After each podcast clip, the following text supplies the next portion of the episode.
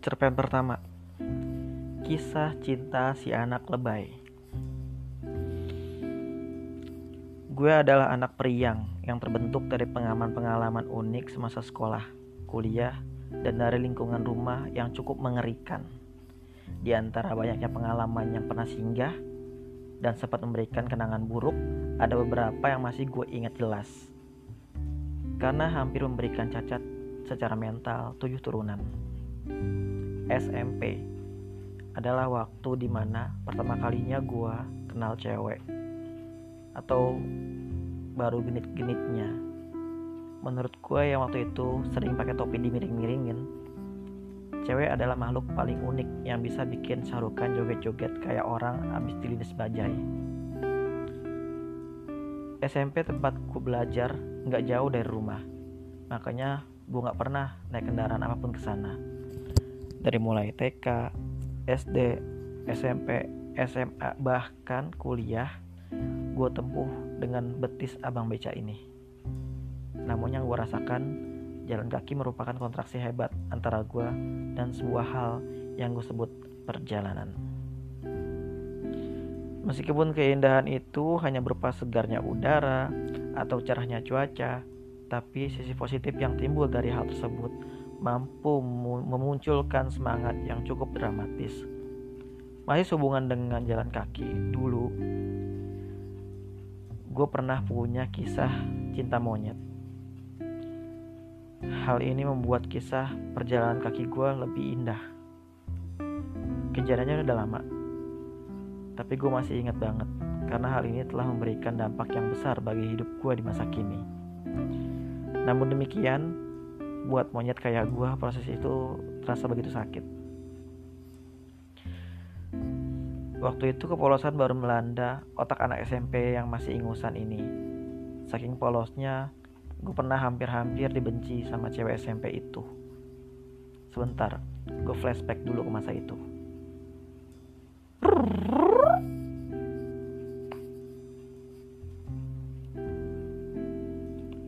Sebenarnya cerita ini dimulai waktu gue masih SD temen gue yang bernama Teddy mulai gabung ke tempat tongkrongan gue entah dari mana kata tempat tongkrongan.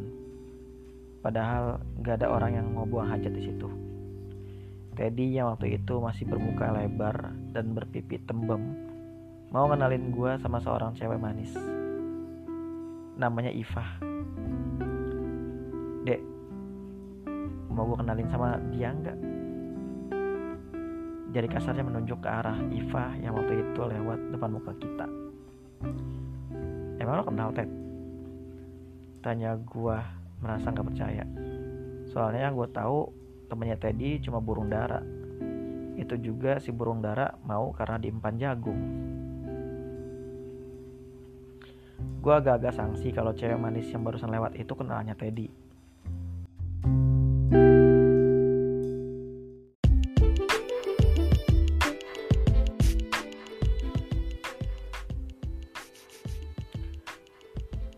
Panggil aja Iva. Dia anak 01 pagi tahu. Teddy yakinin gua seperti anggota MLM. Sedangkan cewek ini kalem aja jalan depan buka kita yang acak-acakan. Teddy juga diem aja, sepertinya malu. Oh, tapi nggak pantas.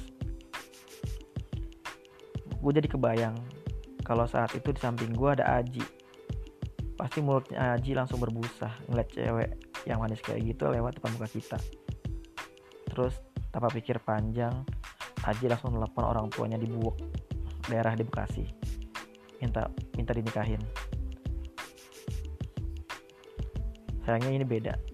Aji belum muncul waktu itu. Mungkin saat itu Aji masih pakai pakaian Tarzan di hutan. Beberapa hari kemudian, gue sedang jalan menuju sekolah SD tercinta. Lagi asik-asiknya ngelamunin duit jajan yang dikasih kelebihan, tiba-tiba gue dikejutkan kembali oleh penemuan sosok mayat. Weh, bukan bukan. Tiba-tiba gue dikejutkan oleh hadirnya Iva yang jalan berlawanan arah. Padahal jarak Iva masih sekitar 50 meter di depan. Tapi gue udah gelisah, seperti habis mimpi basah. layaknya seorang terhipnotis. Mata gue hanya tertuju pada satu titik, yaitu mukanya Iva. Dia cukup manis dengan alis tebal dan bibir tebalnya itu. Kemudian secara mistik, aroma sekitar berubah menjadi bau. Bau yang kayak sampah. Ada apa ini? Apakah gue nggak boleh melakukan hal ini? Apakah ini azab ilahi? Hati gue bertanya-tanya. Setelah gue selingak-selinguk kayak copet, gue dapati mobil dinas kebersihan di kanan gue. Merasa nggak enak ketemu ketemu cewek cakep di tengah aroma sampah dan organik. Gue langsung mempercepat langkah sambil tutup hidung. Kenapa sambil tutup hidung? Soalnya kalau sambil tutup mata nggak kelihatan sob. Iva mungkin nggak menyadari kehadiran gue. Dia hanya jalan, menundukkan wajah, seperti cewek-cewek sopan pada umumnya. Semakin dekat dia, hati gue berdegup kencang. Muka gue pucat, kaki gue lemes, napas gue udah mulai tersengal-sengal. Bagus reaksi selanjutnya gue nggak keluar asap. Iva makin dekat. Jaraknya sama gue tinggal beberapa meter lagi. Gue jadi salting. Tapi bukan salah bunting gue cuma nggak tahu harus menampilkan gerakan yang mana agar terkesan gue ini cowok cool yang nggak rugi deh kalau dilirik sedikit. Kini gue berada berdampingan dengan Iva. Lalu tiba-tiba gue dijorokin sama Teddy dari belakang. Huh. Badan gue menghantam badannya Iva yang langsing itu. Iva agak goyang beberapa saat. Mukanya seketika itu kelihatan keki alias mengereng alias mengerut kenceng. Matanya berubah tajam. Tampaknya siap dihunuskan ke gua dengan sadis. Gua saking merasa nggak berdosanya langsung nyalahin Teddy. Hei Teddy bego loh. Kena Iva tuh bego bego. Kebuk-kebuk kecil. Muka gue jadi merah. Malu bercampur marah tapi dasar otak sebiji jeruk. Bukannya minta maaf, Teddy malah ngetawain gue. Padahal tadi hampir ngejerunuk kesalokan. Hmm, tapi so kenal juga ya, pakai sebut nama Iva dalam statement marah tadi. Gue mesem-mesem dalam gue mesem-mesem sambil memandangi wajah Iva yang dongkol setengah mati. Iva tanpa ngomong sepatah dua patah kata langsung pergi begitu aja ninggalin kita. Cuma tampangnya kes, cuma tampang keselnya aja yang seakan-akan bicara. Apaan sih ini anak? Gak lucu banget deh. Bodohnya gue yang gak minta maaf sama Iva. Kalau aja gue punya pikiran untuk minta maaf, gue yakin dimaafin. Dan kesempatan untuk lebih dekat pun malah akan terbuka. Ya kecuali gue minta dibeliin sepeda sama dia mungkin dia malah ngasih uppercut. Itulah masa-masa bodoh gue selalu nggak bisa berpikir dengan baik di saat yang dibutuhkan. Tapi senangnya dengan kebodohan gue cerita ini bisa jadi berkelanjutan dan layak untuk diperbincangkan karena kami akan mengupasnya setajam gergaji mesin. Setelah insiden tersebut hari-hari berikutnya frekuensi gue ketemu Iva malah semakin sering. Karena pelaksanaan UN di sekolah gue dilaksanakan berjamaah oleh semua kelas termasuk kelasnya Iva. Jadi jam sekolah gue pas UN berubah jadi pagi. Dengan kata lain gue yang biasa bangun jam 9 disuruh rapi-rapi jam 6 oh my god. Tiga hari UN bikin gue puyang tujuh hari tujuh malam. Bukan karena pelajaran tapi karena Iva. Hari pertama ketika masuk gerbang, gue udah disuguhin tarian amarah oleh Iva. Mukanya dijutek-jutekin. Ketika berpapasan sama gue, dia jalan ke arah gue kemudian nyenggol pundaknya, nyenggolin pundaknya ke pundak gue dengan penuh amarah. Diikuti oleh kawan-kawannya. Gue langsung mau nangis. Saat itu gue sempat kepikiran, kok ada ya cewek jutek kayak Iva? Apa ada yang salah? Sama sarapannya.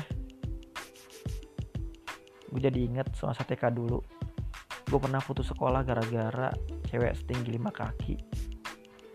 Tepatnya gue memutuskan untuk nggak ngelanjutin TK karena ada cewek galak yang hampir setiap hari bikin gue nangis. Baiklah kita panggil aja cewek itu Ifah Junior. Karena gue nggak tahu siapa namanya yang gue inget dari dia cuma caranya yang melanggar hak asasi anak TK merebut bekal makanan gue kemudian nangislah gue kejadian ini sering banget terjadi. Nyokap gue kelihatannya udah gondok sama si Iva Junior ini. Tapi juga gondok sama gue karena gue nggak berani ngelawan anak itu. Nyokap pernah kasih saran. Coba dibaik-baikin kasih dia makan. Siapa tahu dia jadi baik walau kesannya kayak lagi jinakin beruang. Tapi gue ikutin juga saran nyokap. Gue pikir nggak ada salahnya berbuat baik sama orang yang pernah ngejahatin kita. Keesokan harinya gue beli dua buah bacang. Kalau nggak bacang yang nasi dikepal-kepal dalamnya daging. Dan satu buah mainan parasut. Niatnya satu bacang mau gue kasih ke dia lalu bacanya satu dan mainan parasut buat gue Gue udah manis-manis menawarkan sebagian harta gue ke dia. Tapi apa balasannya? Yang terjadi malah semua harta gue dirampas sama dia. Secara paksa. Gue mulai terkoyak. Dan nangis jadi-jadinya. Lalu nyokap meredakan tangis gue. Seperti biasa. Kemudian sambil terisak-isak gue bilang sama nyokap. Mak, adek gak mau TK lagi. Adek mau berhenti. Pokoknya mau berhenti. Nyokap tambah banyak berpikir. Langsung menyetujui permintaan gue aneh ya? Maka jadilah gue putus sekolah cuma karena anak perempuan berpopok. Gue sempat takut hal ini terulang lagi di SD karena rasanya gak jauh beda setelah hari pertama tadi gue hampir nangis hari kedua gue nggak berani menampakkan diri di depan Iva cuma berani merhatiin dari jarak jauh. Kebetulan kelasnya tepat di bawah kelas gue. Jadi sewaktu Iva keluar kelas, gue bisa langsung pasang mata. Ya, jarak yang ideal untuk menghindari jurus-jurus penuh kemarahan sang Iva. Sambil ngemil ciki, gue pantau terus keberadaannya. Setelah lama memperhatikannya, gue dapat menyimpulkan bahwa walaupun Iva itu bertampang jutek, tapi sebenarnya dia itu angkuh. tapi malah itu yang sebenarnya bikin gue jadi tertarik sama dia. Rasa penasaran ini membunuhku kata Demasik sekarang. Hari ketiga rasa penasaran gue makin menjadi-jadi sampai akhirnya gue memutuskan silaturahmi. Nah kayak habis diusir. Maksudnya gue memutuskan untuk mengikuti si Iva ketika pulang sekolah. Iva yang gak sadar sedang memiliki penggemar rahasia atau yang bahasa Sundanya. Secret admirer mah biasa aja.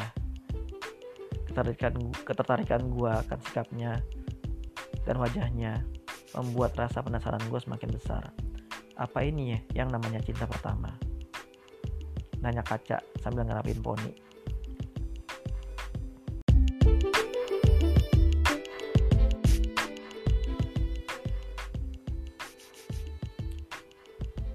Waktu berlalu begitu cepat. Gue dan Iva duduk di bangku SMP. Puncaknya muncul di sini. Gue yang gak punya basic menjadi seorang detektif ini coba-coba nguntitin Iva dari belakang makin intensif. Kayak serangan biadab Israel ke Palestina beberapa waktu lalu.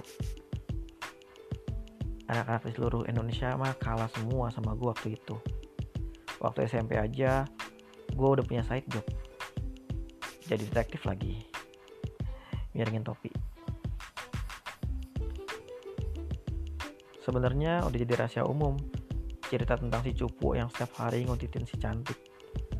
Tapi kenapa gue nggak pernah ngelihat gelagat keberatan dari si Iva ya? Pertanyaan gue semakin menjadi-jadi setelah setiap hari dia selalu kelihatan ngetes gue apa dong namanya? Kalau seandainya dia udah tahu gue selalu nguntitin dia terus dia malah bikin gue punya banyak waktu buat merhatiin dirinya. Pertanyaan itu cukup menghukum gue sih. Di sisi lain gue mau ngomong langsung namun di sisi lain gue takut ditampol. Saat itu adalah saat yang paling banyak bikin gue berharap. Dan makin menikmati detik-detik perjalanan rasa penasaran ini walaupun gue yakin Iva udah nggak sebenci waktu SD sama gue tapi gue masih tetap sama pendirian ideal idealis yang dari SD gue bangun dengan penuh perhitungan. Yaitu memilih untuk tetap menguntit tanpa ngelakuin apa-apa termasuk menyapa dia. Sampai suatu saat ada satu teman sekelas namanya Umar. Dia mulai bertanya tentang Iva Umar yang punya rambut kelimis, mengkilap kayak helm aluminium, bertanya sama gue sekelebatan. Dek, emang yang yang namanya Iva yang mana ya? Gue penasaran. Gue dengan senang hati gue tunjukin. Itu yang lagi di teras depan kelas 14 tunjuk gue dengan perasaan bangga. Kala itu muka Umar agak mupeng. Kemudian cuma komentar, oh yang gitu reaksinya cukup biasa untuk seorang playboy. Tapi perasaan gue jadi takut setelah ngasih tahu Umar. Kenapa begini? Eh, pertanyaan terjawab. Besoknya ternyata Umar yang udah dicap sebagai playboy cap semut rang-rang itu ngasih gue seonggok surat buat Iva. Ini orang kalau nggak gila stres nih pikir gue. Dari SD gue ngudak-ngudak si Iva dengan gaya jungkir balik. Seperti menghindari bo seperti menghindari bom. Berlari ke sana kemari seperti menggocek angkot. Sampai sekarang belum berani ngungkapin perasaan. Eh ini orang tahu Iva aja baru. Itu juga gue yang kasih tahu. Begitu teganya dia ngasih surat gitu aja ke gue terang-terangan pula entah gue harus bilang wow apa nggak usah. Yang jelas gue kaget banget gila ya sumpah. Dada gue nyesek. Is damn damn sick. Waduh yang bener lo Mar. Tanya gue iya.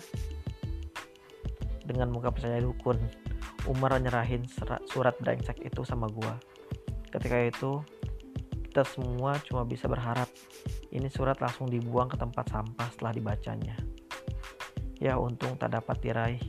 Malang marah malah ngubar-ngubar minta dikelonin. Gue pasrah. Akhirnya nerima surat itu dengan berat hati. Saking beratnya, gue sempet mau minta tolong Agung, Hercules.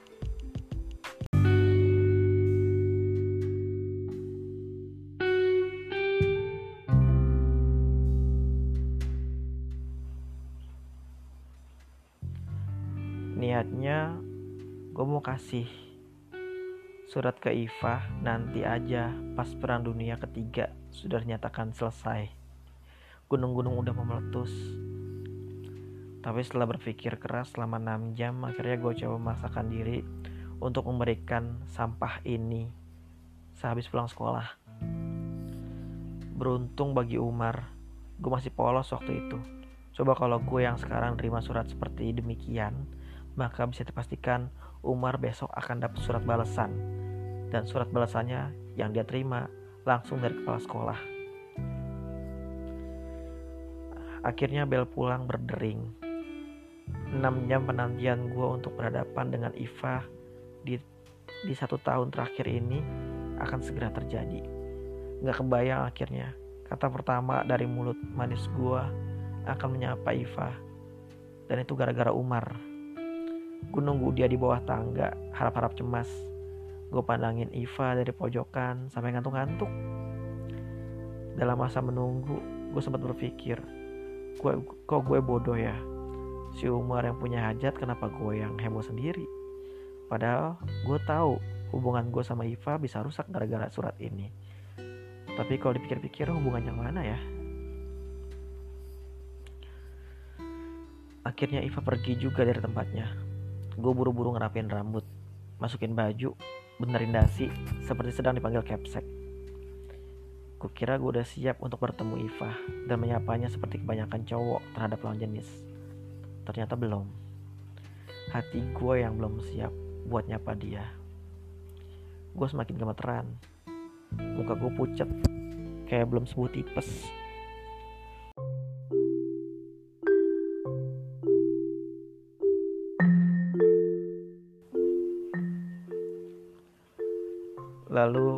Iva melewati tubuh gue yang terdiam kaku seperti habis berendam di samudera Antartika itu. Gue mencoba yakinin hati lagi kalau sekarang adalah saat yang tepat buat menampilkan kembali diri gue yang pernah malu dulu. Wajah hitam manis Iva sedikit pun gak menoleh, tapi gue harus kasih lembaran surat ini.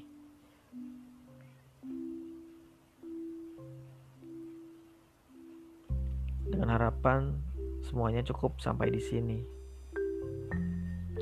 Dengan bermotivasikan dengan bermotivasikan lagu Cikanya Meli Guslau, gue samperin Iva dengan perasaan dilema.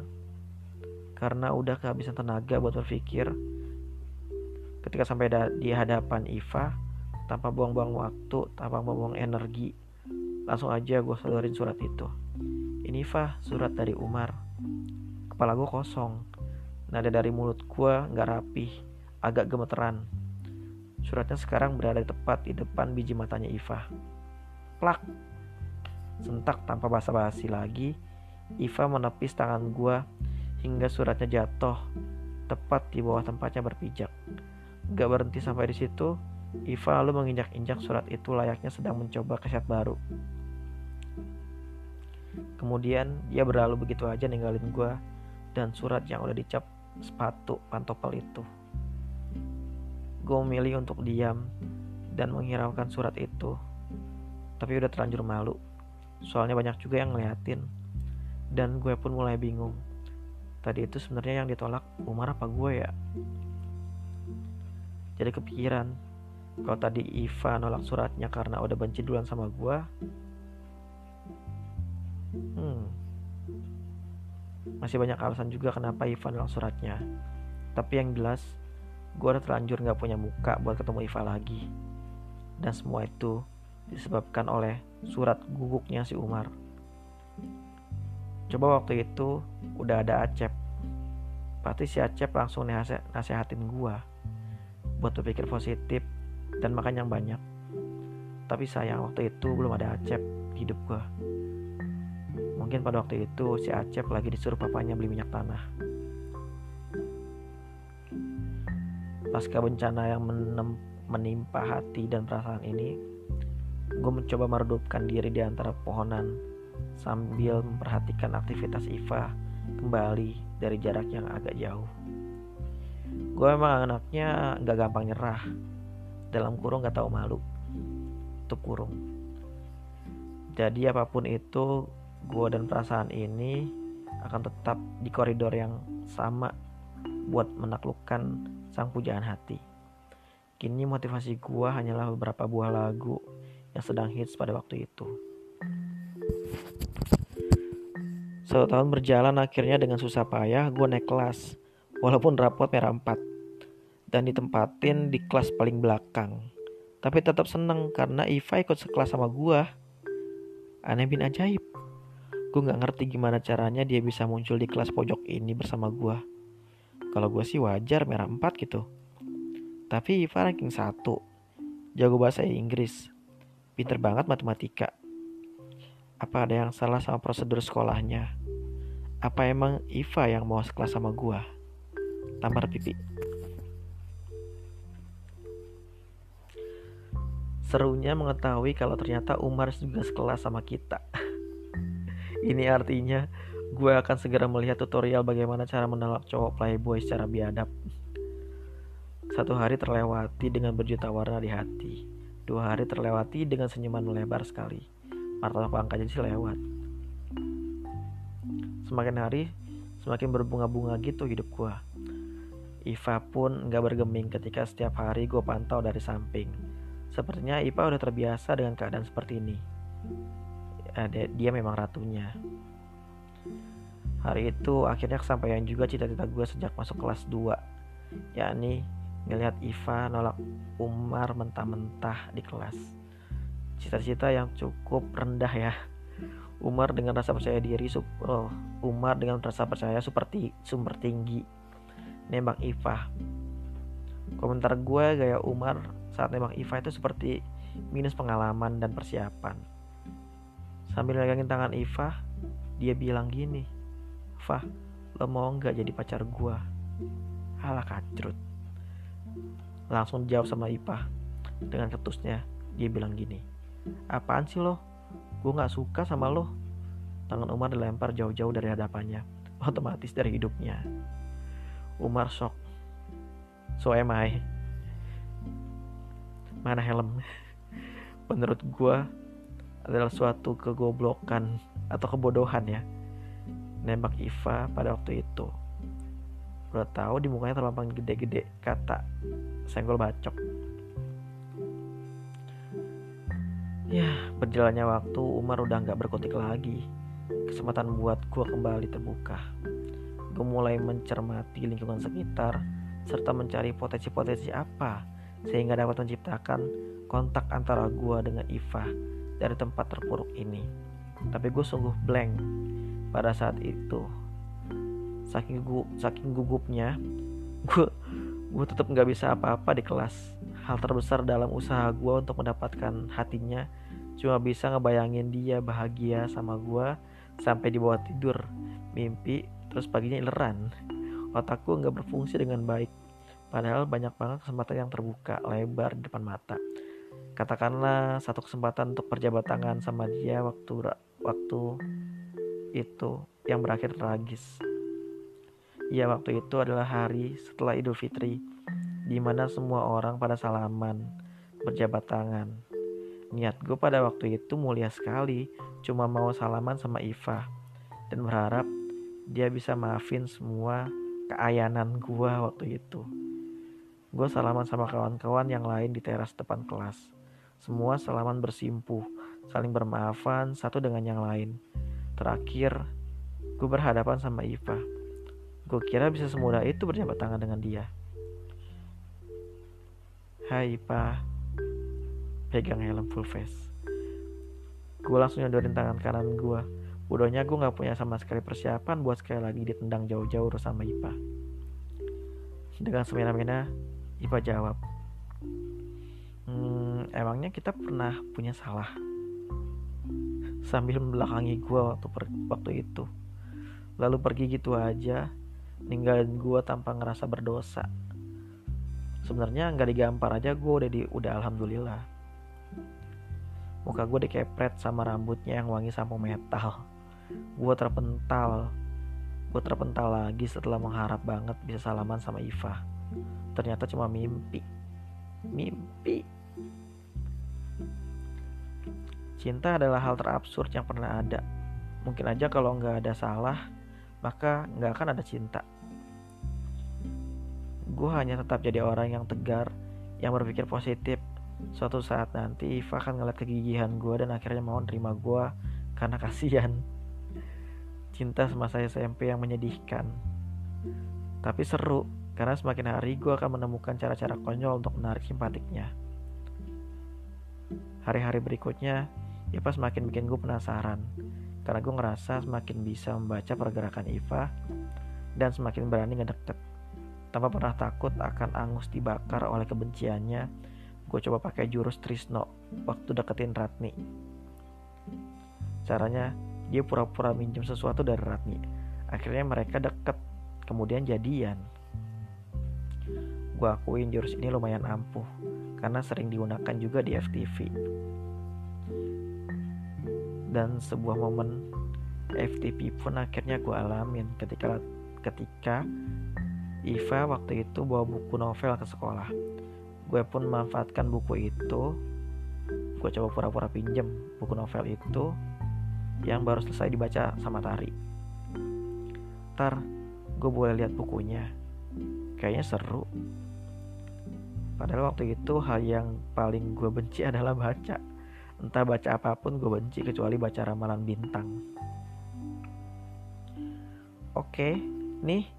Tapi ntar kembaliin ya. Ini punya Iva. Iya pastilah gue pulangin masa enggak. Ini kan buku ya bukunya orang yang gue sayang. Ngomong pelan banget. Tari nggak denger. Buku itu akhirnya ada di genggaman gue buku yang menjembatani antara gue dengan Iva adalah lebih besar dari sekedar perhiasan mahal. Bahkan lebih berharga dari nyawa. Maka kalau ada perampok yang menghadap menghadang gua dan membuat dua pilihan pilih buku atau nyawa gua akan jawab pilih nyawa dong. Untuk menjaga buku ini tentunya. Dengan suara yang lantang sebenarnya gue nggak tertarik sama bacaannya. Gue cuma tertarik sama sampul yang udah pernah dipegang sama Ipa. Merasakan hangat tangannya menggenggam buku ini. Pas ditanya soal isinya bagus atau enggak gue cuma manggut-manggut seneng. Kemudian Iva datang dan minta bukunya dikembaliin. Iva senyum sambil membuka telapak tangannya. Ya ampun manis banget. Gue terkesima. Begitulah akhir dari penantian panjang gue melihat senyumnya untuk gue. Walaupun gue gak pernah jadian sama Iva, tapi paling enggak gue seneng tahu Iva udah gak marah lagi sama gue. Itu hal yang sulit. Bahkan untuk senyum aja seumur hidup gue hanya dikasih dua, dua kali.